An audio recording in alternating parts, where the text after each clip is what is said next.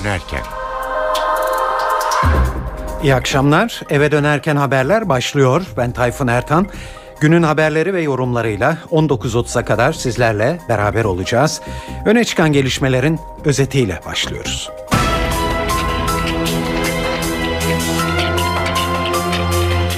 PKK'nın Türkiye dışına çıkmasında meclisin yasal güvence verip vermeyeceği konusu taraflar arasında pürüz oluşturacağı benzer. Hükümet meclisin sürece en azından bu aşamada dahil olmasına gerek duymuyor, başbakanın sözüne güvenin diyor. Kandil'den yapılan açıklamada ise sözlü söylemle olmaz mutlaka mecliste yasal düzenleme yapılmalı deniyor. Ve hükümetin anketinde halkın üçte ikisi çözüm sürecini destekliyor.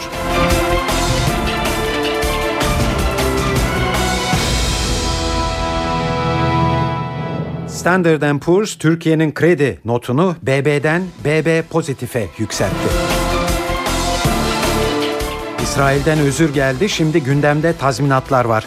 Hayatını kaybedenlerin ailelerine ödenecek tazminatlar için müzakereler gelecek hafta başlayacak. Ve kanser riski yakında basit bir testle saptanabilecek. Prostat, rahim ve meme kanserine neden olan gen bozuklukları kolayca anlaşılacak.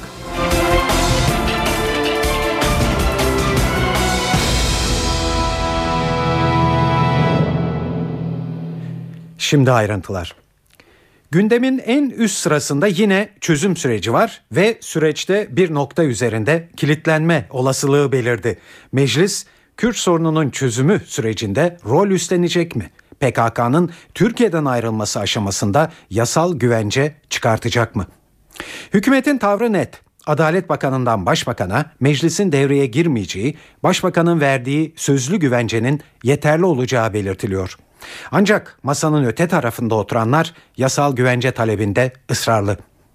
Girişi siyaset üstü bir makamdan gelen değerlendirmeyle yapıyoruz. Salı günü Başbakan'dan dün de Adalet Bakanı'nın ardından bugün de Meclis Başkanı Cemil Çiçek yasal güvence taleplerine hayır dedi. Çiçek bu konuda muhatap meclis değil hükümettir diye konuştu.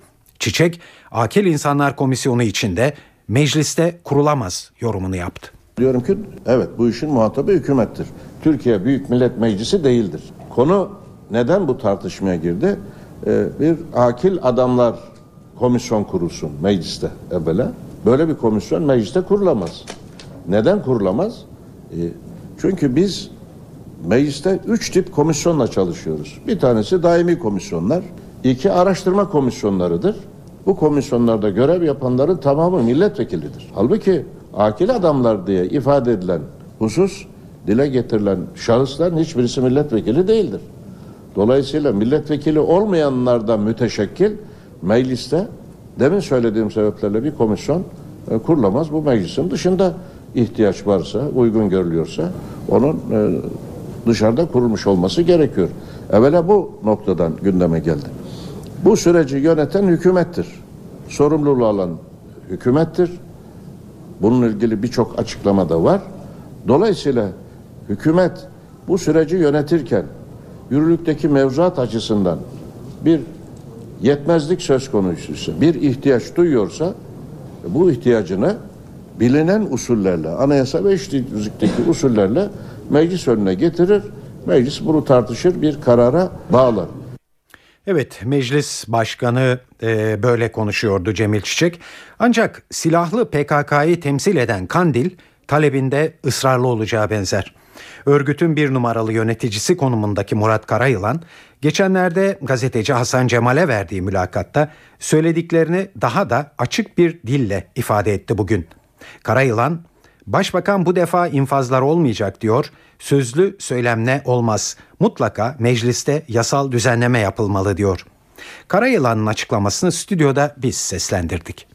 Silahlı güçlerin sınır dışına çekilmesi için gereken hazırlıkları başlattık. Ama geri çekilme için devletin atması gereken adımlar var. Bu konuda meclisin mutlaka karar alması lazım. Güçlerimiz 1999'da çekildiğinde tuzağa düşürüldüler. Bu tekrar edilmemeli. Bize siz sınır ötesine çekilin, sorunu çözeriz deniyor. Ancak bir güvence verilmiyor. Sayın Başbakan bu defa infazlar olmayacak diyor. Sözlü söylemle olmaz. Biz daha önce yasal düzeyde bir takım değişikliklerle geri çekileceğimizi söylüyorduk. Bunda ısrarlıyız. Biz çağrıyı olduğu gibi kabul ediyor ve uygulamak istiyoruz. Karşı tarafın da üstüne düşeni yapması gerekiyor. Bir de ortada şöyle bir durum var. Sanki dağda birkaç grup var, gel deyince gelirler. 30 yıllık bir grup var. Gel demekle gelinmez. Ben getiremem. Savaşa inanıyorlar, savaşla sonuca varacağına inanıyorlar. Yasal düzenleme işte bunun içinde gereklidir. Tabi bununla birlikte Öcalan'ın da devreye girmesi gerekmektedir. Evet sadece Kandil değil BDP de bu konuda gayet hassas. BDP Öcalan'ın Nevruz açıklamasına da değişik bir yorum getirdi. BDP eş başkanı Selahattin Demirtaş, Abdullah Öcalan PKK'ya henüz geri çekilme çağrısı yapmadı dedi. Demirtaş, geri çekilme için Öcalan'ın PKK'ya net bir çağrı yapması lazım. Nevruz'da sadece buna hazırım dedi. Öcalan geri çekilme çağrısı için hükümetin adım atmasını bekleyecek diye konuştu. Evet çözüm süreci pürüzsüz bir şekilde işliyor derken şimdi Kürt tarafından PKK'nın Türkiye'den çıkabilmesi için meclisten yasal güvence beklendiği açıklaması gelmekte. Bu durumu iki gazeteciden yorumlamasını istedik. Milliyet gazetesi yazarlarından Mehmet Tezkan şu düşüncede. Şimdi ben bu sürecin en zor aşaması olarak bunu görüyorum. Çünkü sadece BDP'liler değil Kandil'den yapılan açıklamalarda da hep bu öne sürüyor. Meclis işte bir yasal düzenleme yapsın. E bir baktığınız zaman zor bir şey yani ne diyecek ki meclis? Yani bizim içerimizdeki silahlı PKK'lıların yurt dışına çıkışına izin mi verecek? Yani ne diyecek? Bunun çözümü şöyle olabilirdi belki. Meclisin içinde meclis partilerin de katılımıyla ama dışarıdan yani milletvekillerinin içinde olmayacağı bir komisyonun sadece hükümet tarafından değil diğerlerinde yani daha geniş bakın bu Türkiye'nin en önemli meselesinde ve bizim gözümüzü dikeceğiz. Yani bir iki tarafta inanacak diyecek ki ya bakın burada çatışma olmuyor. PKK'lılar çıkıyor, çek, çekiliyorlar. Ee, askerlere de bakacak. Askerler içerisinden de bu işi tahrik edenler olabilir. Yani emir komuta dediğimiz sonunda ya geçerken işte bir karakoldan ateş de açılabilir. Ee, iki tarafı da denetleyecek. Bu komisyonun son derece herkesin inanı, inanırlılığını sağlaması lazım. Aslında bu komisyon bir de bu meseleyi halka da anlatacak. Yani Oradaki insanlar bakın bu iyi bir şeydir. Bu barışa giden yoldur. Bildiğiniz gibi kötü şeyler olmuyor diyecek. Ben biraz İmralı'nın e, Kandil'in ayak sürtmesi olarak görüyorum. Şimdi yasal düzenlemenin getireceği bir yıl sakıncalar var. Siz çıkın dediğiniz zaman o zaman hapishanelerin de kapılarını açmamız gerekiyor. Bir bambaşka bir durum. Şimdi bu çok zor ama verdiği her demeçte Karayılan diyor ki yasal düzenleme güvence lazım. Katlar için de güvencedir, askerler için de güvencedir falan. E ondan sonra biz çekilebiliriz diyor. Şimdi biraz da şöyle bir şey oldu. O Abdullah Öcalan'ın mektubundan sonra istemeye istemeye bence Kandil dedi ki e ne yapalım önderimiz böyle diyor. Ama e bir güvencesi lazım bunun. Güvence çıkmazsa çekilmeyecekler mi? Bence çok ayak sürtme ve ye doğru iş yokuşa doğru diyor gibi bir izlenim var. Evet Sabah gazetesi Ankara temsilcisine göre bu durum Kandil'in baştan beri isteksiz olmasının yansıması bu tarz bir yasal güvenceye kavuşması zaten çok da mümkün gözükmüyor. Çünkü Ankara'nın zaten İmralı'ya ve bu talebin sahiplerine bir verdiği mesaj var. Örgütün dağdaki militanlarının büyükçe bir bölümü de Ankara açısından kayıt altında da değil. O zaman oturacaksınız tek tek bunları kayda alacaksınız. Sonra çıkışlarına izin vereceksiniz. E, benzeri suçtan şu anda yargılanan ya da hüküm giyenler var. Onlar da ben de üçüncü ülkeye giderim derse ne yapacaksınız? O yüzden hani işin bu tarafı çok e, mümkün gözükmüyor. Bu yürüyen e, mektup trafiği sırasında Kandil'in genel tavrının ya öyle bir hazırlık yapmıştık ki yani İran'daki, Irak'taki, Suriye'deki koşullar çok lehimize ve yeni bir silahlı kapasiteye de eriştik. Yani bu çok da iyi olmadı bizim için. Böyle bir yaklaşım var. Şimdi bu yaklaşım içinde aynı zamanda çekilmeye ikna olduğu izlenimi veren Kandil tabii ki işi biraz geciktirecek, yokuşa sürecek bir yaklaşım içinde. Hani suyu yokuş yukarı akıtmaya çabalamak dediğim gibi önüne katıp götürmek durumunda. Bunu unutmamak lazım. Şimdi diğer türlü akil adamlar dediğinizde de e, tabii ki o bir havuzun içinden farklı bölgelere gidebilecek. Az önce Sayın Tezkan'ın da ifade ettiği gibi bu çözüm sürecindeki temel sahipleri anlatacak ve haklı kaygıları da yine Ankara'ya da iletebilecek ve dolayısıyla ülkenin genel iklimine katkıda bulunabilecek bir mekanizmadan söz ediyoruz. Kuşkusuz hani bunun Ankara'da siyaset yani hükümet eliyle belirlenmesi gibi bir tartışmada var. Yani daha sivil olsun derken neden o zaman hükümet güdümünde olacak diye. Ee, eğer çekilme sürecinde rol alacak bir komisyondan söz ediyorsanız orada siyasal bir perspektife ihtiyaç var. Yok ülke genelinde bu süreci anlatma ve ülke genelinde nabzı tutup siyasete perspektif vermekten bahsediyorsanız o zaten kendi içinde yani sivil olması gereken e, çok farklı kanallarda toplumun değişik kesimlerinde saygınlık uyandırmış isimlerden oluşabilecek bir havuz ve bu havuzda da farklı farklı bölgelere gidebilecek ekiplerden bahsediyoruz.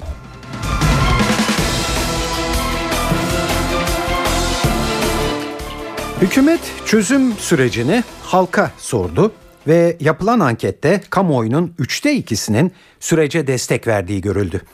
Başbakan Erdoğan anket sonuçlarını partisinin Akdeniz milletvekilleriyle yaptığı son toplantıda paylaştı. Erdoğan üçte ikilik bu desteğin daha da artmasını bekliyor. Ayrıntıları NTV muhabiri Ercan Gürses anlatıyor. Başbakan Recep Tayyip Erdoğan partisinin Akdeniz bölgesi milletvekilleriyle bir araya geldi. Gündemde çözüm süreci vardı. Edinilen bilgilere göre Başbakan Erdoğan milletvekillerine yaptırdıkları son anket sonuçlarını aktardı. Halkın %56'sı süreci destekliyor. Kararsızları dağıtınca bu oran %64'ü buluyor diyen Başbakan Nevruz sonrası yaşananlarla desteğin zirve yapacağını söyledi. Erdoğan milliyetçi kesimlerinde sanılanın aksine süreci desteklediğini dile getirdi. Başbakan Erdoğan milletvekillerinden seçim bölgelerinde halkı süreç konusunda bilgilendirmelerini de istedi. Milletin değerlerine aykırı bir şey yapılmayacak. Halka bunu söylemeniz yeter dedi. Toplantıda 20 kadar milletvekili ve belediye başkanı da söz aldı. Bölge temsilcileri çözüm sürecinin MHP lideri Bahçeli'nin memleketi Osmaniye ve Adana'nın Yörük köylerinde dahi umutla takip edildiği tespitini dile getirdiler.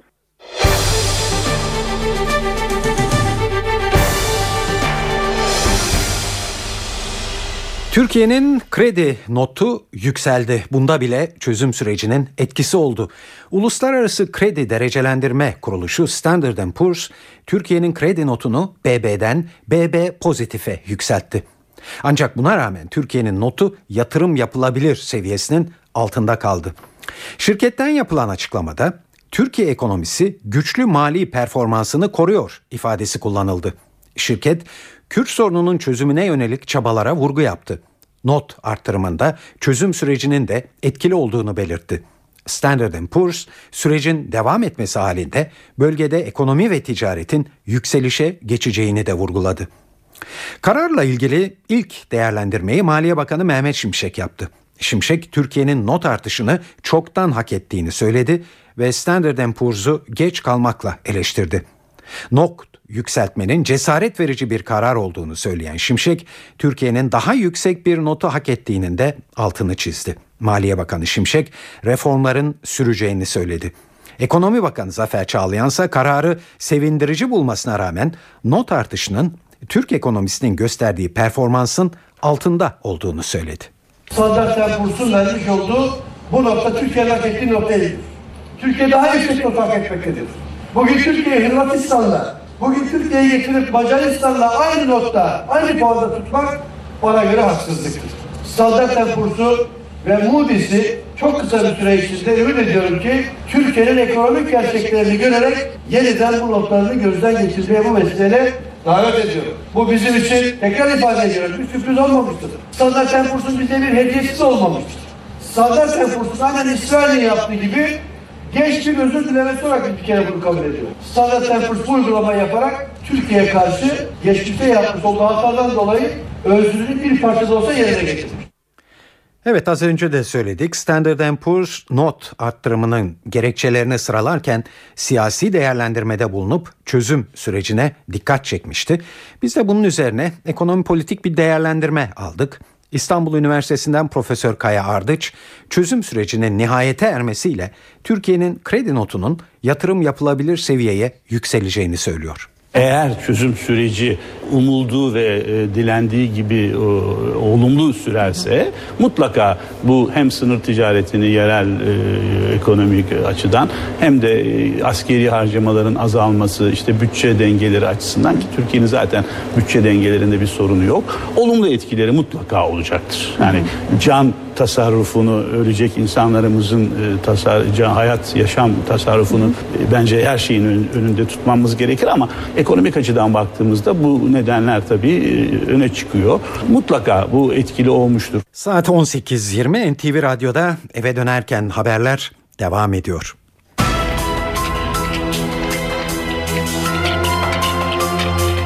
Evet haftanın öne çıkan e, olayı Mavi Marmara konusuyla ilgili olarak İsrail'in sonunda Türkiye'den özür dilemesiydi.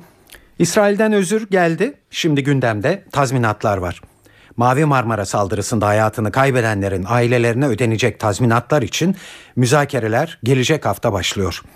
Bunlara Ankara ev sahipliği yapacak. Türkiye heyetinin başında Dışişleri Bakanlığı Müsteşarı Feridun Sinirlioğlu olacak. İsrail heyetine ise Benjamin Netanyahu'nun ulusal güvenlik danışmanı başkanlık yapacak. Ayrıntıları NTV muhabiri Özden Erkuş anlatıyor. Mavi Marmara saldırısında hayatını kaybeden 9 Türk için ödenecek tazminatı belirleyecek heyet gelecek hafta Türkiye'ye gelecek. Müzakereleri Ankara ev sahipliği yapacak. Türkiye heyetinin başında Dışişleri Bakanlığı Müsteşarı Feridun Sinirlioğlu olacak. İsrail heyetine ise Bünyamin Netanyahu'nun ulusal güvenlik danışmanı Yakov Amidzor başkanlık edecek. Türkiye heyetinde diplomatların yanı sıra hukukçular da yer alacak. Müzakerelerde bir ülke silahlı kuvvetlerinin bir başka ülkenin sivillerini kasten veya yanlışlıkla öldürmesi durumunda yürütülen uluslararası hukuk süreci baz alınacak. Tazminatlar içinde emsal olaylar değerlendirilecek. Dışişleri kaynakları müzakerelerin tek turda biteceği konusunda iyimser. Ancak tazminatlar ödense bile Türkiye'de açılan kamu davası sürecek.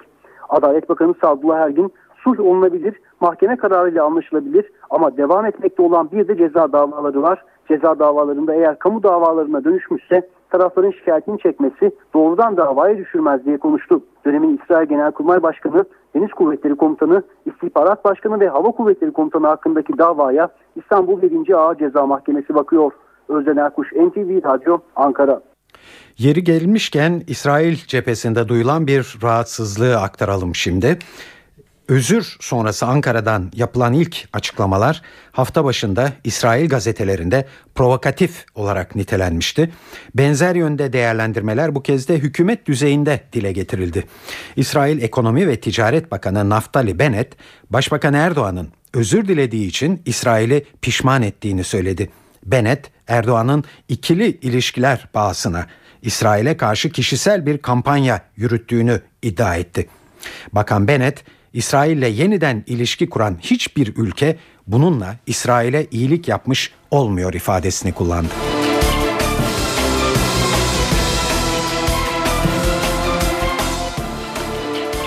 Büyük şehirler için yeni düzenleme parlamentoda kabul edildi ve yasalaştı ancak muhalefet her platformda eleştirilerini sürdürüyor ve yasayla Türkiye'ye eyalet sisteminin getirilmeye çalışıldığını ileri sürüyor. Başbakan Erdoğan bu tepkilere partisinin Akdeniz bölgesi milletvekilleriyle yaptığı toplantıda yanıt verdi. Erdoğan yasanın federal yapıyla bağdaştırılmasının anlamsız olduğunu söyledi. Ardından bugün gazetelere yansıyan çarpıcı ifadeler kullandı. Erdoğan, bu sistem şu an gündemimizde değil. Ancak güçlü devletlerde eyalet sisteminin sorun ve endişe yaratmayacağını söyleyebilirim. Osmanlı'da da eyalet sistemi vardı. Ortaya koyduğumuz hedefler gerçekleşirse Türkiye çok güçlü bir devlet haline gelecek. 2023'te ben başbakan olsam, işin başında olsam bunu düşünür ve tartışırdım şeklinde konuştu. Tabii şu anda Türkiye'de Kürt sorununa çözüm getirmek amacıyla temaslar yapılırken bir yandan da eyalet gibi bir sözcük kullanılınca iki konunun birbirine girdiğini görüyoruz. Sabah gazetesi Ankara temsilcisi Okan Müderrisoğlu şöyle diyor. Bir büyükşehir yasası çıktı ve bu büyükşehir yasasında valilere bir yetki transferinden söz ediliyor. Dolayısıyla Türkiye'de bir yönetim modeli değişikliği mi var, bunun altyapısı mı hazırlanıyor diye. O yasa müzakere edilirken mecliste dahi çokça tartışılmış bir konu. O yüzden hani bu çözüm sürecinin parçasıyla başkanlık, çözüm sürecinin parçasıyla eyalet sistemi bugün çok ustaca kurgulanarak kamuoyunun gündemine getiriliyor. Aynı paketin parçalarıymış gibi ifade ediliyor. Aslında böyle değil. Ama tabii bu kavramların tartışılıyor olması çözüm sürecinde bunlar acaba taviz unsurları mı diye soru işaretleriyle toplumun karşısına çıkarılıyor. Şu önemli Sayın Başbakan'ın ifade etti. Bugün bazı gazetelerde orijinaliyle yer almış bir husus. Yani eyalet sisteminden korkmamak lazım ama hani bugünün konusu değil. Milliyet gazetesi yazarlarından Mehmet Teskan da benzer görüşte. Ben bu başbakanın laflarını bu Kürt meselesiyle bir bağlantılı olarak görmedim.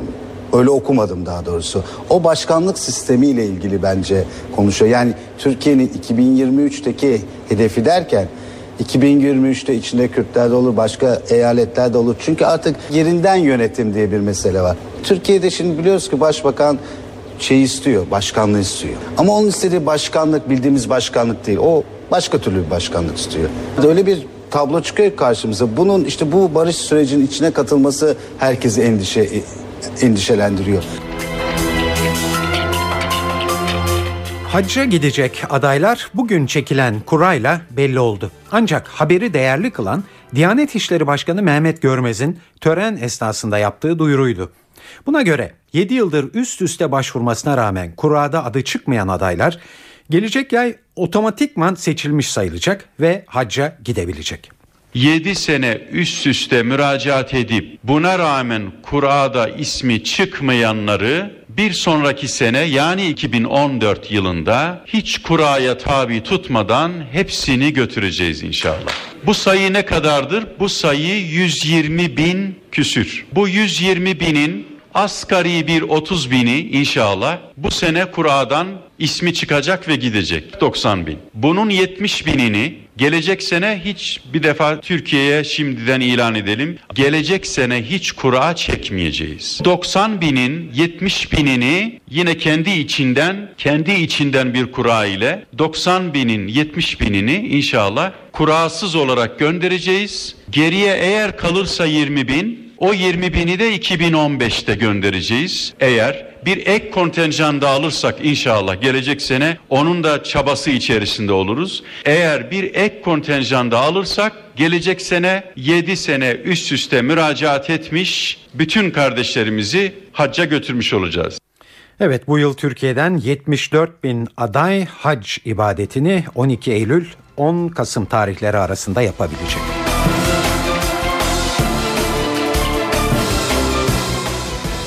Devlet memurları kanununun değişmesi gündemde. Hükümet yürütülen çalışmalarda mesafe kat etmiş görünüyor.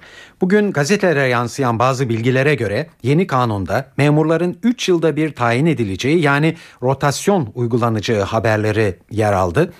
Bu önemli bilgi bugün en yetkili isme Çalışma Bakanı Faruk Çelik'e soruldu. Çelik sendikalara sormadan bu yönde bir karar almayacaklarını söyledi.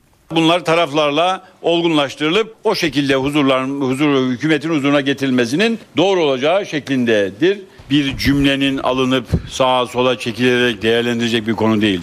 Burada kamu kendi dünyasına göre bir düzenleme, siyaset kendi dünyasına göre bir düzenleme değil. Birlikte bir düzenlemenin e, yaşanan sorunlarla ilgili peşinde. Onun için ben medyadan rica ediyorum. Bu konuyla ilgili bir cümle alıp, bir kelime alıp bunu kamuda huzursuzluk oluşturacak bir şekle dönüştürmek büyük bir haksızlıktır. Çünkü verilmiş bir karar yok. Bakanlar Kurulu'nun vermiş olduğu karar çok net. Taraflarla görüştüp olgunlaştırıp bu konuların o şekilde Bakanlar Kurulu'na gelmesi gerektiği e, söylenirken burada karar verilmiş, taslak gönderilmiş gibi bir yaklaşım kesinlikle doğru değil. Bak bunu açık söylüyorum. Evet, devlet memurları yasası değiştirilmeye hazırlanırken Çevre ve Şehircilik Bakanı Erdoğan Bayraktar'dan dikkat çekici bir açıklama geldi. Bayraktar, mevcut 657 sayılı kanun bize uymuyor dedi ve ekledi. Devlet memuru ol, sonra yat, uzan, böyle bir şey kabul edilemez. 657 sayılı kanun bize uymuyor. Öyle yani uymuyor. Devlet memuru oluyor birisi, ondan sonra yat uzan para kazan. Böyle bir şey yok. Çalışan, üreten, faydalı olan öne geçecek. İkili ilişkilerle nabız tutanlar değil. Kim üretiyorsa, kim başarılıysa, kim faydalıysa onlar yer tutacak, onlar öne geçecek. Ama kulislerle, siyasi kulislerle nabız tutarak öne geçenlere imkan vermemek lazım arkadaşlar. Tarafsız, adil, üretken bir yapıyı kazanmamız lazım.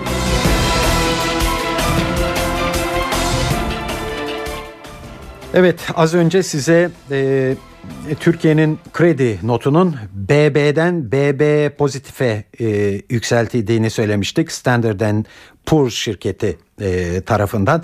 Acaba bu e, piyasalarda bugün nasıl yankılandı? Şimdi ona bakacağız.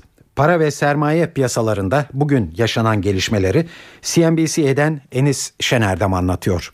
Türk mali piyasaları bugün kredi derecelendirme kuruluşu Standard Poor's'tan gelen not artışının desteğiyle güçlü bir performans sergiledi. Dün akşam gelen not artışının ardından İMKB güney yükselişte başlarken Türk lirası da dolar karşısında güçlendi. Ancak not artışına rağmen S&P'nin Türkiye'yi hala yatırım yapılabilir ülke statüsünün altında notlaması alımların bir miktar sınırlı kalmasına yol açtı. Günün ikinci yarısında ise not artışı etkisi borsada kendisini daha net biçimde hissettirdi. İMKB %1'in üzerinde yükselerek Ocak'tan bu yana ilk kez 85 bin seviyesini aştı ve böylece yatay bant hareketini yukarı yönlü kırmış oldu. Analistler borsanın 86 binlerdeki rekor seviyelere gözünü diktiğini belirtiyor. Tahvil piyasasında ise not kararının etkisi daha sınırlı oldu. Gösterge faiz sadece 8 bas puanlık bir gerilemeyle günü %6.43'ten tamamladı. Dolar TL kuru ise 1.81 seviyesinin altına gerileyerek kapandı. Dış piyasalarda ana gündem yine Avrupa'nın sorunlu ülkeleri olmaya devam ediyor. Güney Kıbrıs'taki sancılı kurtarma planı ve İtalya'daki bir türlü sonuca ulaşmayan hükümet kurma arayışları borsalardaki tepki yükselişlerinin sınırlı kalmasına yol açtı. Euro dolar da tüm bu sorunların gölgesinde 1.29 altındaki hareketine devam etti. Türk bilim adamlarından dikkat çekici e, bir çalışmanın sonuçları geldi. Vücuda uyumlu sentetik kemik ve kıkırdak üretildi. Muhabirimiz Gökhan Gerçek bu çalışmayı gerçekleştiren ekibin başındaki isim doçent Halil Murat Aydın'la konuştu.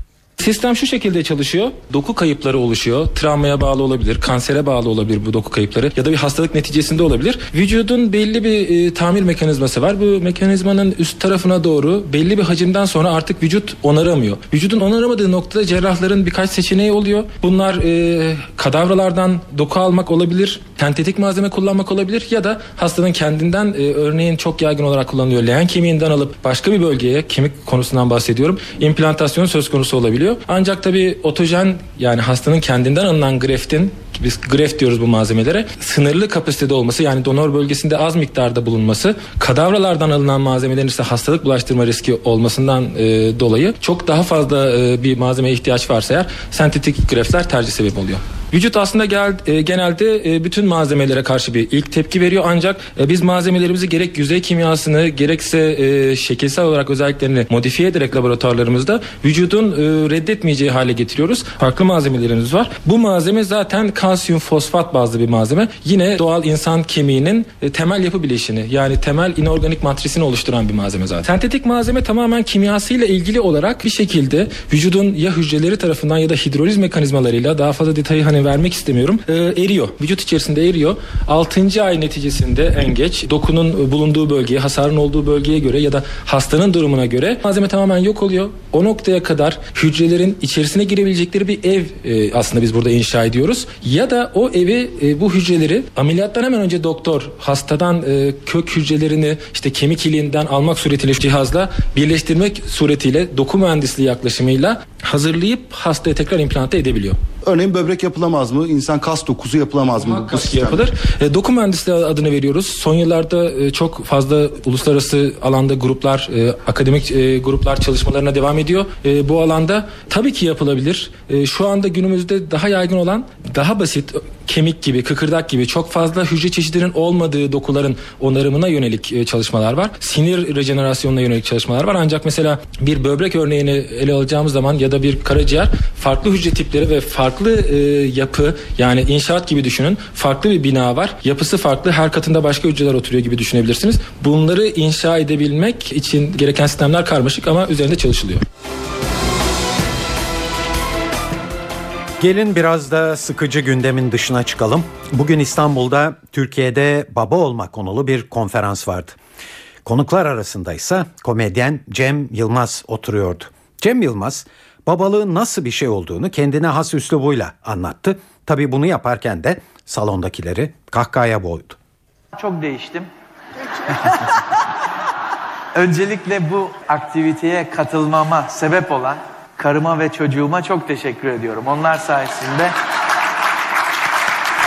eğer onlar olmasaydı bu konuşmalardan sonra yapılacak yan salonda yapılacak eğlencede bir komedyen olarak sahneye çıkacaktım. Onlar sayesinde bir panelist oldum. Bu benim için bir ayrıcalık. Kendilerine çok teşekkür ediyorum. Vallahi şöyle bir dinledim de Sayın Bakanımızın konuşmalarını. O konuşmalarda anlatılan ideal baba benim. Yani açık, bu açık yani bunu bilmiyorum bu bir yarışma mı daha sonra bir bir puanlar verilecek mi ama ben finale de gelmek istiyorum. Yani çok taze bir bebekle muhatap olduğum için gözlemlediğim şeyi söyleyeyim. Yani ünvanları bir kenara bırakırsak insan olarak gözlemlediğimiz canlıda hiçbir kalıp yok. Yalnızca hayatta kalma mücadelesi veriyor ve evdeki yetişkin diye tabir edilen birçok insandan daha meleksi bir havası var. Bir birey olarak da hiçbir sorunu yok. Çünkü kalıpları yok. Mesela bir gaz çıkarma meselesi de bizim toplumsal kurallarla ilgili bir kalıbımız vardır. Bu mesela kardeşimizin öyle bir kalıbı da yok. Yok. Ve bunun bir sorun olmadığını da bir tebessümle hem de o sırada veriyor. E önümüzde çok e, net böyle bir örnek varken yani bebeklerimiz varken e biz babalığı ya da insanlığı nasıl öğrenemeyiz? Bu herhalde büyük gayret ister. Saat 18.41 NTV Radyo'da eve dönerken haberler günün diğer gelişmeleriyle devam ediyor.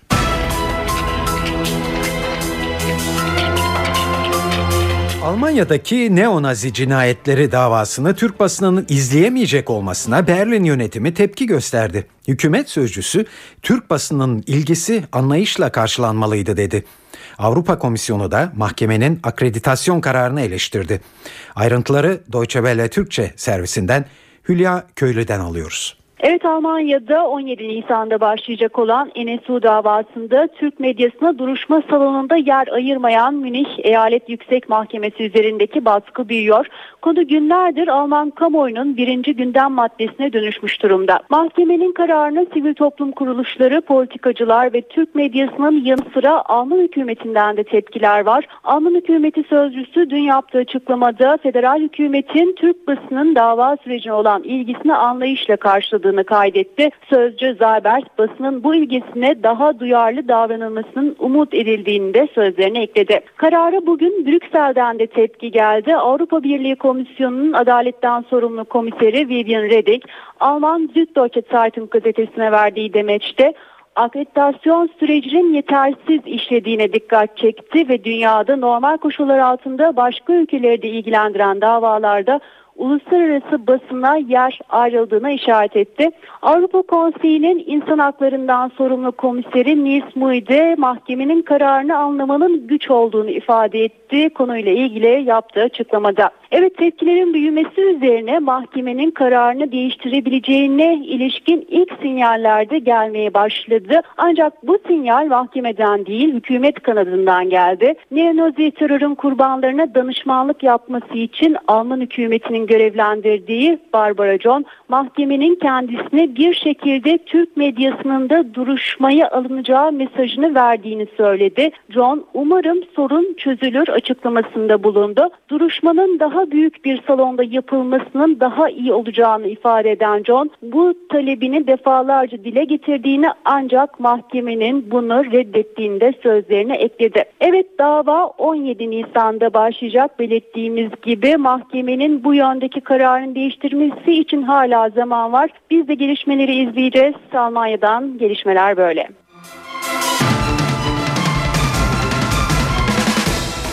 Ekonomik kriz içindeki Güney Kıbrıs'ta 16 Mart'tan bu yana kapalı olan bankalar bugün sonunda açıldı. Saat 12'de kapılarını açan bankalara aslında beklendiği kadar yığılma olmadı. Bunda yönetimin halkın paralarını toplu olarak çekmelerinin önüne geçmek adına aldığı önlemlerin etkisi olduğu görüldü.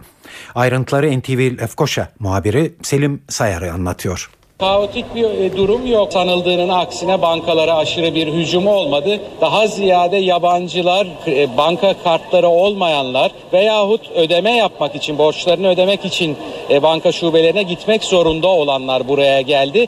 Bankalar açıldı ama bu bir sembolik bir açılış. Çünkü bankaların kapıları açıldı ama para muslukları kapalı olarak açıldı. Dolayısıyla fazla bir anlam ifade etmiyor. Sadece bu halkın üzerindeki psikolojik çöküntüyü, tedirginliği, belirsizliği biraz ortadan kaldırmaya yönelik bir e, hareket. Bunu söyleyebiliriz. E, bankaların açılışı tuhaf oldu. Çünkü birçok kısıtlamayla açıldı bankalar. Örneğin günlük e, 300 Euro'dan fazla para çekemiyorsunuz. E, çekler iptal oldu. Çek kullanılmıyor artık.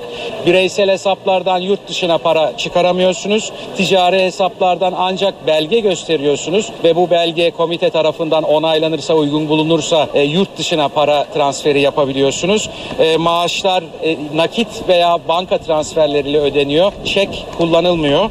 Kredi kartlarıyla yurt dışı harcamaları 5000 euro ile sınırlanmış durumda. Yurt dışına giderken e, Rumlar en fazla 3000 euro nakit alabiliyorlar yanlarına ve mesela e, yurt dışında öğrenci olan ya da çocuk okutanlar da en fazla 3 ay için e, 5000 euro transfer edebiliyor. Böyle bir durumda açıldı bankalar. Sembolik bir açılış oldu. İzdiham olmadı. Güvenlik tedbirleri hat safhada. E, güvenliği İngiliz e, dünyaca ünlü özel bir güvenlik şirketi sağlıyor. Ancak birkaç saat evvel burada bir e, Fransız gazeteci Türk bayrağı açtı. Tabi böyle bir ortamda Türk bayrağı açılınca sonuçların ne olacağını kestirmek mümkün. E, bu bayrağı da bir e, Rum genci alıp e, yırttı, yakmaya çalıştı. E, böyle de bir olay e, söz konusu. Kanser riskini hesaplamak bir tükürük testi kadar yakın olacak. İngiliz bilim adamları prostat, rahim ve meme kanserine neden olan gen bozukluklarını tespit etti. Önce kişilerin kanı veya tükürük örneği alınarak genleri incelenecek ve kansere yatkınlığı ölçülecek. Doktorlar kişinin hayat tarzını da inceleyerek çevresel riskleri de değerlendirecek. Tespitler sonucu önleyici tedbirler alınıp erken teşhis yapılabilecek. Hatta kişiye göre tedaviler geliştirmekte mümkün olacak. 200 bin kişi üzerinde yapılan araştırmada kanser hastalarıyla sağlıklı kişilerin genleri karşılaştırıldı. Böylece kansere yol açan gen bozukluklarından bazıları anlaşılmış oldu. Sonuçlar kanserle mücadelede çok büyük bir adım olarak tanımlanıyor.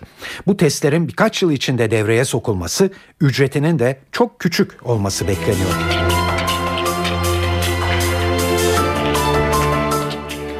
Dünyada su sıkıntısı artacak. Bu tespit merkezi Washington'da bulunan Dünya Gözlem Enstitüsü World Watch'a ait. Enstitü zaten milyonlarca kişinin su sıkıntısı çektiği, nüfus arttıkça durumun daha da kötüleşeceği uyarısında bulundu.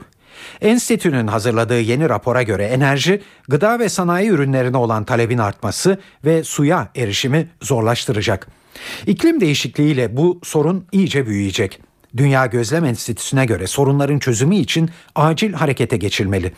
Atık suların arındırılarak tarımda ya da sanayide kullanılması ve suyun tasarruflu tüketimini düzenleyecek bölgesel anlaşmaların yapılması önerilerden bazıları. 1 milyar 200 milyon kişinin suyun az olduğu bölgelerde yaşadığına dikkat çeken enstitü, Orta Doğu ve Hindistan'ın kuzeybatısını en kurak bölgeler olarak tanımlıyor.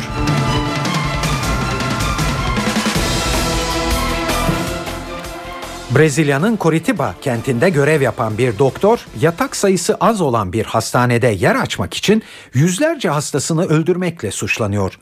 Suçlamalar yeni değil. 59 yaşındaki doktor Virginia de Souza hakkında geçtiğimiz ay 7 hastanın şüpheli ölümüne ilişkin bir dava açılmıştı. Davanın ardından açılan soruşturma tablonun daha vahim olduğunu ortaya koydu. Sağlık Bakanlığı müfettişleri yoğun bakım ünitesini yöneten bu doktorun hastalar arasında şüpheli ölüm sayısının 300'ü bulduğunu açıkladı. Doktorun hastanede yer açmak amacıyla bazı hastalara kas gevşetici ilaç verip solunum cihazlarını yavaşlatarak ölümlerine sebep olduğu iddia ediliyor. İddianın kaynağı doktor ve ekibinin telefon görüşmeleri. Doktor hastanede olmadığı günlerde bile telefonla bazı hastaların ölüm emrini vermekle suçlanıyor. Avukatı ise bu suçlamaları kabul etmiyor. 2000 yılında İngiliz doktor Harold Shipman da 250 hastasını öldürmekten hüküm giymişti. 2020 olimpiyat oyunlarına aday olan İstanbul'da Uluslararası Olimpiyat Komitesi Değerlendirme Komisyonu'nun incelemeleri dün tamamlandı ve heyet Türkiye'den ayrıldı. Komisyon yetkilileri incelemelerin nasıl geçtiği ve İstanbul'un şansı konusunda ser verip sır vermedi. Ancak Olimpiyat Adaylık Komitesi Başkanı Hasan Arat izlenimin olumlu olduğu görüşünde. Bence iyi geçti yani Türkiye için İstanbul için iyi bir hazırlık oldu. Bundan sonra tabii önümüzde baya bir zaman var yani bir 5 ay çok ciddi çalışmamız lazım. Bu çalışma uzun vadeli bir plan yani öyle kısa sürede bitecek bir şey değil. O yüzden yani bizim e, tahminimiz e, buradaki çalışmanın iyi geçmiş olması ve bize e, iyi neticeler bırakacak olması bizim e, neticemizi e, olumlu yönde etkileyecek. Galatasaray, Real Madrid rövanş maçından önce ligin 28. haftasında oynanacak Mersin İdman Yurdu karşılaşmasının ileri bir tarihe alınması için Futbol Federasyonu'na başvuracak. Gerekçe Türk Telekom Arena'nın zemini. Schalke ile oynanan çeyrek final ilk maçında zemin nedeniyle her iki takımda büyük problemler yaşamış ve konu UEFA'nın gündemine gelmişti.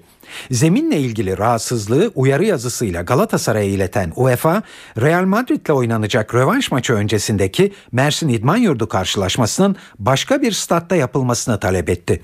Şampiyonlar Ligi'nin marka değerine ve futbol kalitesine önem veren UEFA, Galatasaray'a Real Madrid gibi tüm dünyanın yakından takip edeceği bir karşılaşmanın bozuk zeminde oynanmasını istemiyor. Ancak sarı kırmızılı kulüp ligde şampiyonluk yolunda kritik haftalara girilirken Mersin İdman Yurdu maçının başka bir stada alınmasına sıcak bakmıyor. Mersin İdman Yurdu karşılaşmasını ileri bir tarihte yine Türk Telekom Arena'da oynamak isteyen Galatasaray yönetimi federasyondan gelecek yanıta göre UEFA'ya bilgi verecek. Bu sezon borçları nedeniyle Avrupa kupalarında yer alamayan Beşiktaş'ta gelecek yıl aynı durumun yaşanmaması için hummalı bir çalışma yürütülmekte. UEFA'nın tanıdığı süre olan 31 Mart'a kadar borç sorununu çözmek zorunda olan Beşiktaş yönetimi 27 futbolcuyla borçlarını ödemek için anlaşmaya vardı. Ancak iki isim Fikret Orman yönetiminin başını ağrıtmaya devam ediyor. Matteo Ferrari ve Julio Alves'le sorunlar aşılmış değil. Uluslararası Spor Tahkim Mahkemesi Ferrari'nin alacaklarına karşılık açtığı davada İtalyan futbolcuyu haklı bulmuş ve 8 milyon euronun İtalyan oyuncuya ödenmesini kararlaştırmıştı. Siyah beyazlı yönetim taksitlendirme konusunda anlaşmaya yanaşmayan Ferrari'yi hala ikna etmeye çalışıyor. Diğer taraftan Julio Alves'in bonservisinin %50'si için Atletico Madrid'e 3,5 milyon euro ödeme yükümlülüğü olan siyah beyazlılar bu rakamın yine taksite bağlanması için oyuncunun menajeri ve İspanyol ekibiyle anlaşmanın yollarını arıyor. Beşiktaş Yönetim Kurulu Avrupa kutalarına katılma sorununun çözümü için son kartlarını masaya koyacak. İtalya ve İspanya'dan gelecek haberlerle konunun en geç cumartesi günü açıklığa kavuşması bekleniyor. Sırada hava durumu var.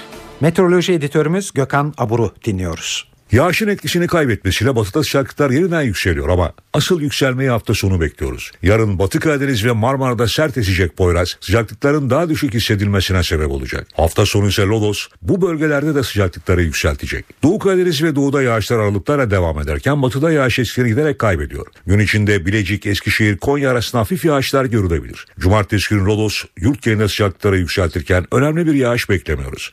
Pazar günü ise sıcaklıklar daha da yükselirken Marmara yeni bir yağışlar ama etkisine girecek. Yağışlar batıdaki etkisini pazartesi günde sürdürecek. Evet İstanbul'da yarın hava parçalı olacaktık. Gündüz 14, gece 7 derece olacak. Poyraz oldukça sert. Hafta sonu hava ısınıyor. Ankara parçalı olacaktık. Gündüz 14, gece 7 derece olacak. Hafta sonu ise sıcaklığın 20 dereceye yaklaşmasını bekliyoruz. İzmir'de yağış etkisini kaybetti. Sıcaklık 22 dereceye kadar çıkacak. Gece sıcaklığı ise 14 derece. Sonraki günlerde de İzmir ve çevresinde yağış beklemiyoruz. PKK'nın Türkiye dışına çıkmasında meclisin yasal güvence verip vermeyeceği konusu taraflar arasında pürüz oluşturacağı benzer. Hükümet meclisin sürece en azından bu aşamada dahil olmasına gerek duymuyor, başbakanın sözüne güvenin diyor. Kandil ise sözlü söylemle olmaz mutlaka mecliste yasal düzenleme yapılmalı diyor. Standard Poor's Türkiye'nin kredi notunu BB'den BB pozitife yükseltti. İsrail'den özür geldi. Şimdi gündemde tazminatlar var. Hayatını kaybedenlerin ailelerine ödenecek tazminatlar için müzakereler gelecek hafta başlıyor.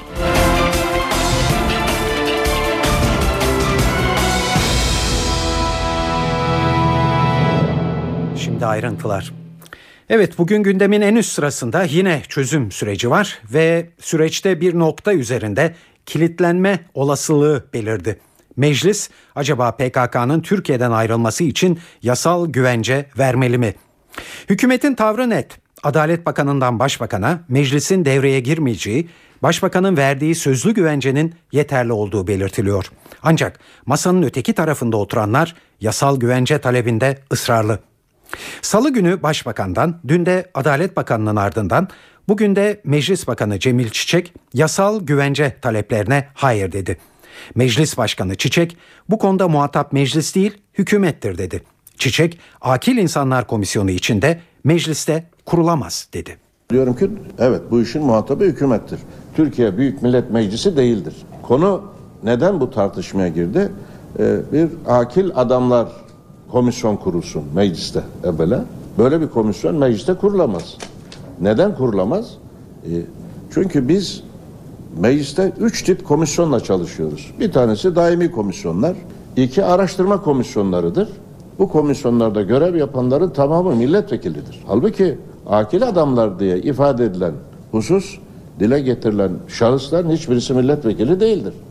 Dolayısıyla milletvekili olmayanlar da müteşekkil mecliste demin söylediğim sebeplerle bir komisyon e, kurulamaz. Bu meclisin dışında ihtiyaç varsa, uygun görülüyorsa onun e, dışarıda kurulmuş olması gerekiyor.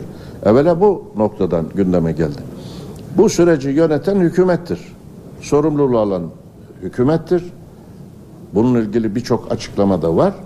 Dolayısıyla hükümet bu süreci yönetirken yürürlükteki mevzuat açısından bir yetmezlik söz konusuysa, bir ihtiyaç duyuyorsa bu ihtiyacını bilinen usullerle, anayasa ve eşitlikteki usullerle meclis önüne getirir. Meclis bunu tartışır, bir karara bağlar. Evet Meclis Başkanı Cemil Çiçek böyle diyordu bugün. Hükümetin e, tavrı da net meclise başvurulmayacak. Ancak silahlı PKK'yı temsil eden Kandil talebinde ısrarlı olacağı benzer.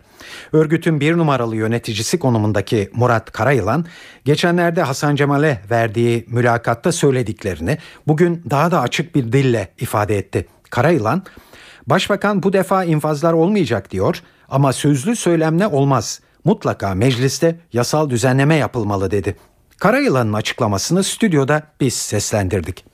Silahlı güçlerin sınır dışına çekilmesi için gereken hazırlıkları başlattık. Ama geri çekilme için devletin atması gereken adımlar var. Bu konuda meclisin mutlaka karar alması lazım. Güçlerimiz 1999'da çekildiğinde tuzağa düşürüldüler. Bu tekrar edilmemeli. Bize siz sınır ötesine çekilin, sorunu çözeriz deniyor. Ancak bir güvence verilmiyor. Sayın Başbakan bu defa infazlar olmayacak diyor. Sözlü söylemle olmaz. Biz daha önce yasal düzeyde bir takım değişikliklerle geri çekileceğimizi söylüyorduk. Bunda ısrarlıyız. Biz çağrıyı olduğu gibi kabul ediyor ve uygulamak istiyoruz. Karşı tarafın da üstüne düşeni yapması gerekiyor. Bir de ortada şöyle bir durum var. Sanki dağda birkaç grup var, gel deyince gelirler. 30 yıllık bir grup var. Gel demekle gelinmez. Ben getiremem. Savaşa inanıyorlar, savaşla sonuca varacağına inanıyorlar. Yasal düzenleme işte bunun içinde gereklidir. Tabi bununla birlikte Öcalan'ın da devreye girmesi gerekmektedir.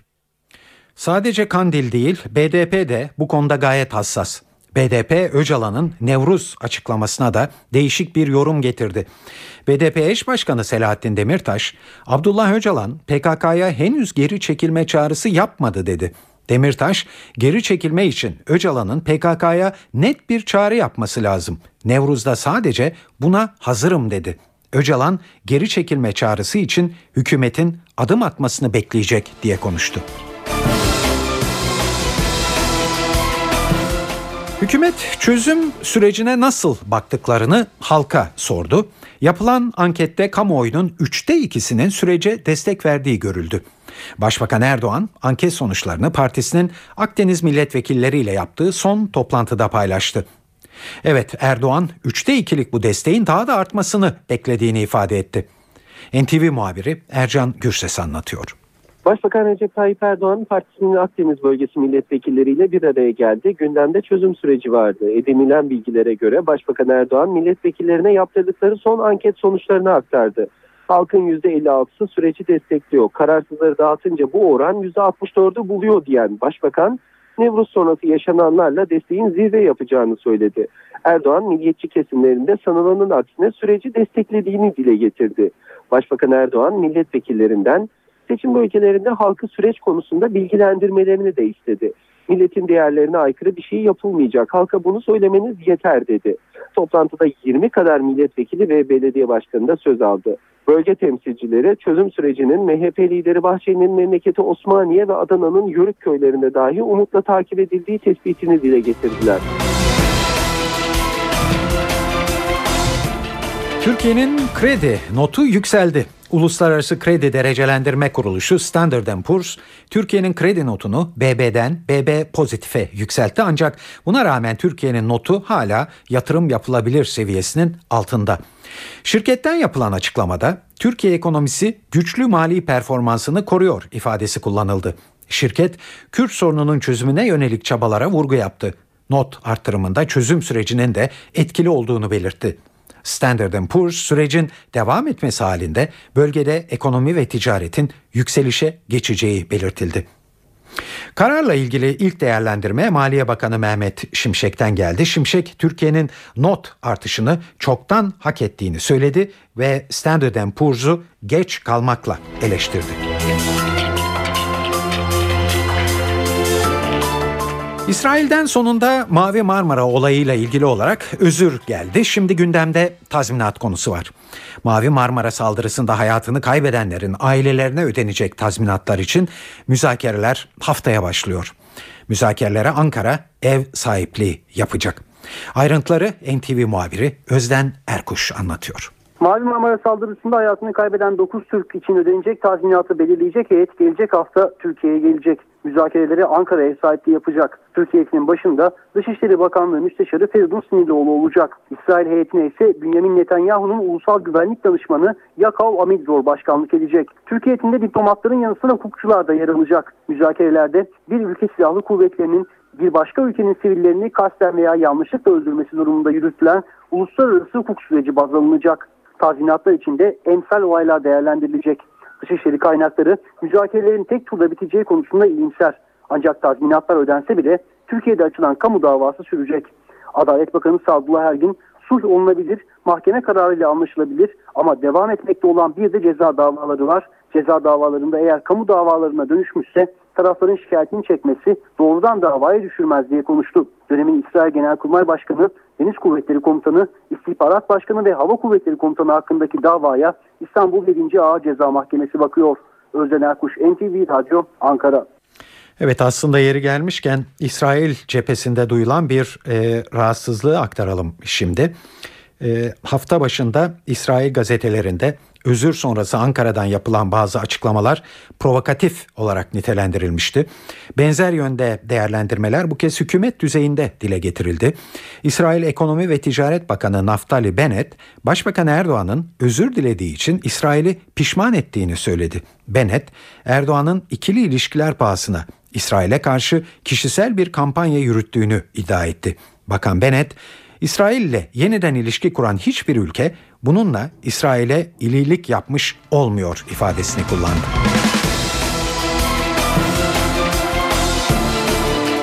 Saat 19.09 NTV Radyo'da eve dönerken haberler devam ediyor.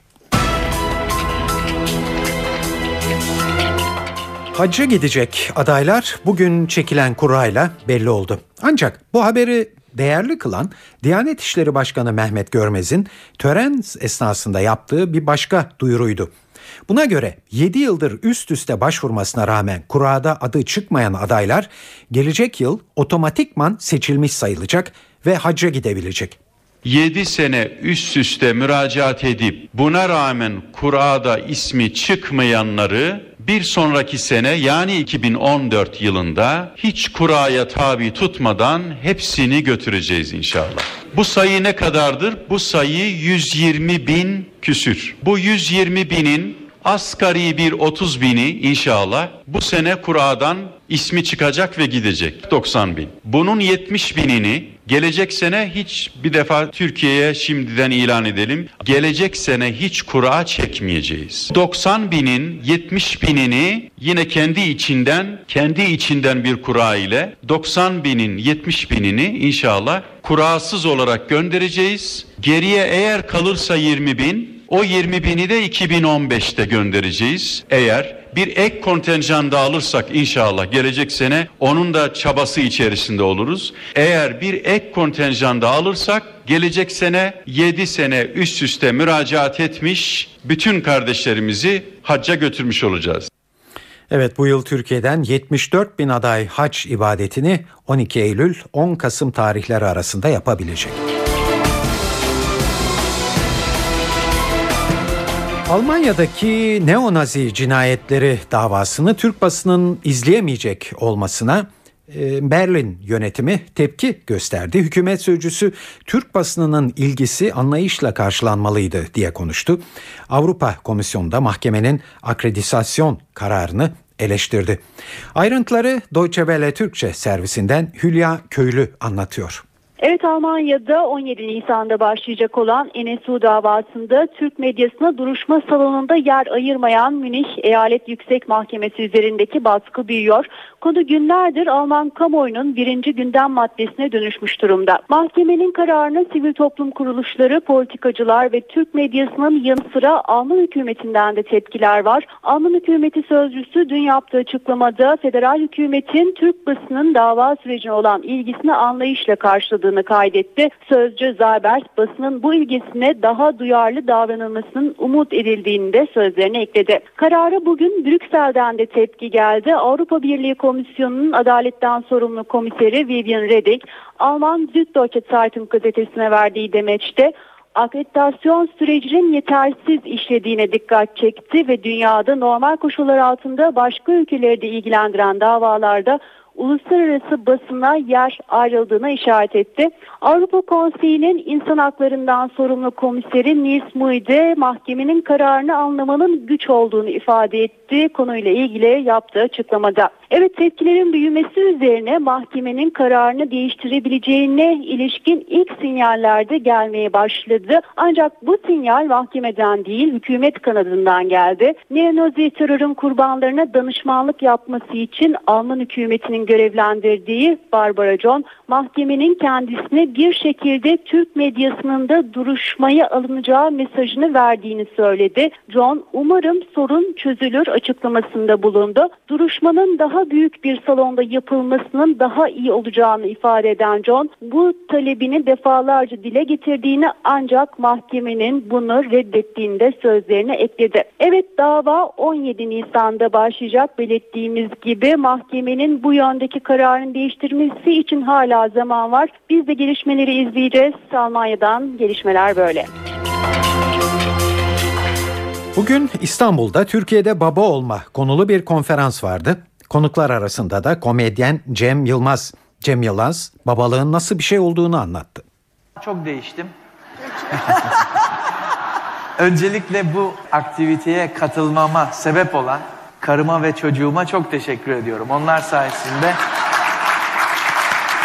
eğer onlar olmasaydı bu konuşmalardan sonra yapılacak, yan salonda yapılacak eğlencede bir komedyen olarak sahneye çıkacaktım. Onlar sayesinde bir panelist oldum. Bu benim için bir ayrıcalık. Kendilerine çok teşekkür ediyorum. Vallahi şöyle bir dinledim de Sayın Bakanımızın konuşmalarını. O konuşmalarda anlatılan ideal baba benim. Yani açık, bu açık yani bunu bilmiyorum bu bir yarışma mı daha sonra bir bir puanlar verilecek mi ama ben finale de gelmek istiyorum. Yani çok taze bir bebekle muhatap olduğum için gözlemlediğim şeyi söyleyeyim. Yani ünvanları bir kenara bırakırsak insan olarak gözlemlediğimiz canlıda hiçbir kalıp yok. Yalnızca hayatta kalma mücadelesi veriyor ve evdeki yetişkin diye tabir edilen birçok insandan daha meleksi bir havası var. Bir birey olarak da hiçbir sorunu yok. Çünkü kalıpları yok. Mesela bir gaz çıkarma meselesi de bizim toplumsal kurallarla ilgili bir kalıbımız vardır. Bu mesela kardeşimizin öyle bir kalıbı da yok. Yok. Ve bunun bir sorun olmadığını da bir tebessümle hem de o sırada veriyor. E önümüzde çok e, net böyle bir örnek varken yani bebeklerimiz varken e biz babalığı ya da insanlığı nasıl öğrenemeyiz? Bu herhalde büyük gayret ister. Evet geldik kültür ve sanat dünyasından haberlere. Size çeşitli etkinliklerden bir derleme hazırladık.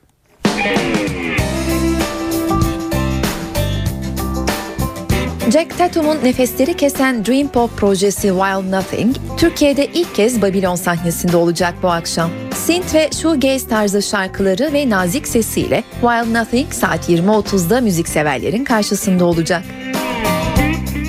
Borusan İstanbul Filarmoni Orkestrası Lütfi Kırdar Anadolu Auditorium'da sanatseverlere bir müzik ziyafeti sunacak bugün. Dünyaca ünlü konukların eşlik edeceği orkestra, bu ay efsanevi opera sanatçısı Leyla Gencer anısına sahnede olacak. Leyla Gencer anısına Salom konseri saat 20'de. Müzikseverler için bir önerimiz de alt cazdan doğu ritimlerini modern ezgilerle buluşturan konserde Amerikalı ritim ustası Jared Kagwin ve gitarist Bilal Karaman aynı sahneyi paylaşıyor. Meriç Demirkol'un saksafonuyla konuk olduğu konser saat 21.30'da başlıyor. Bugün ayrıca The Away Days Beyoğlu Hayal Kahvesi'nde dinlenebilir. İstanbul Indie sahnesinin yeni gruplarından The Away Days'in performansı saat 22.30'da başlıyor.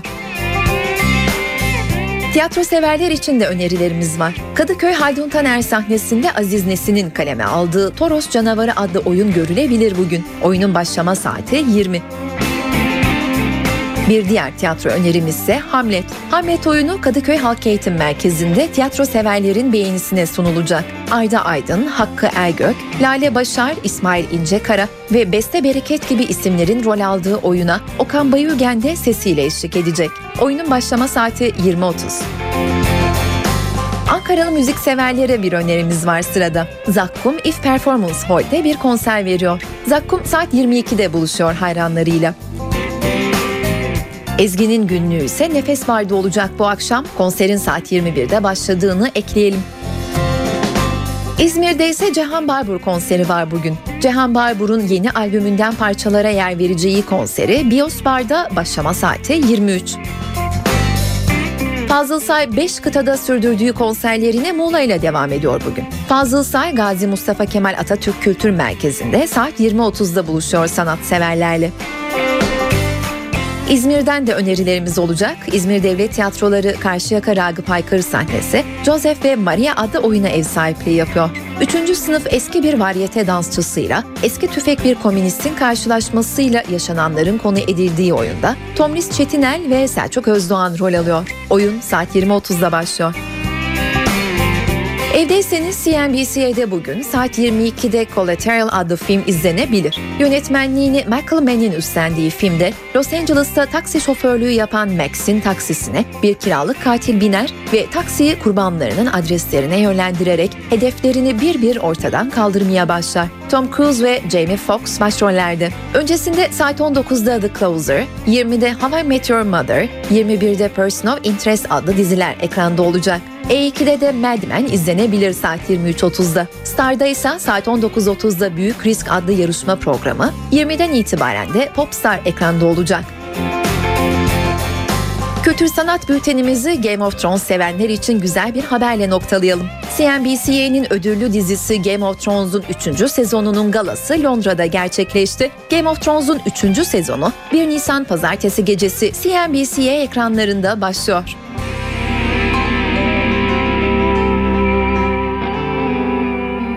Eve dönerken haberler burada sona eriyor. E, günün öne çıkan haberini özetleyelim.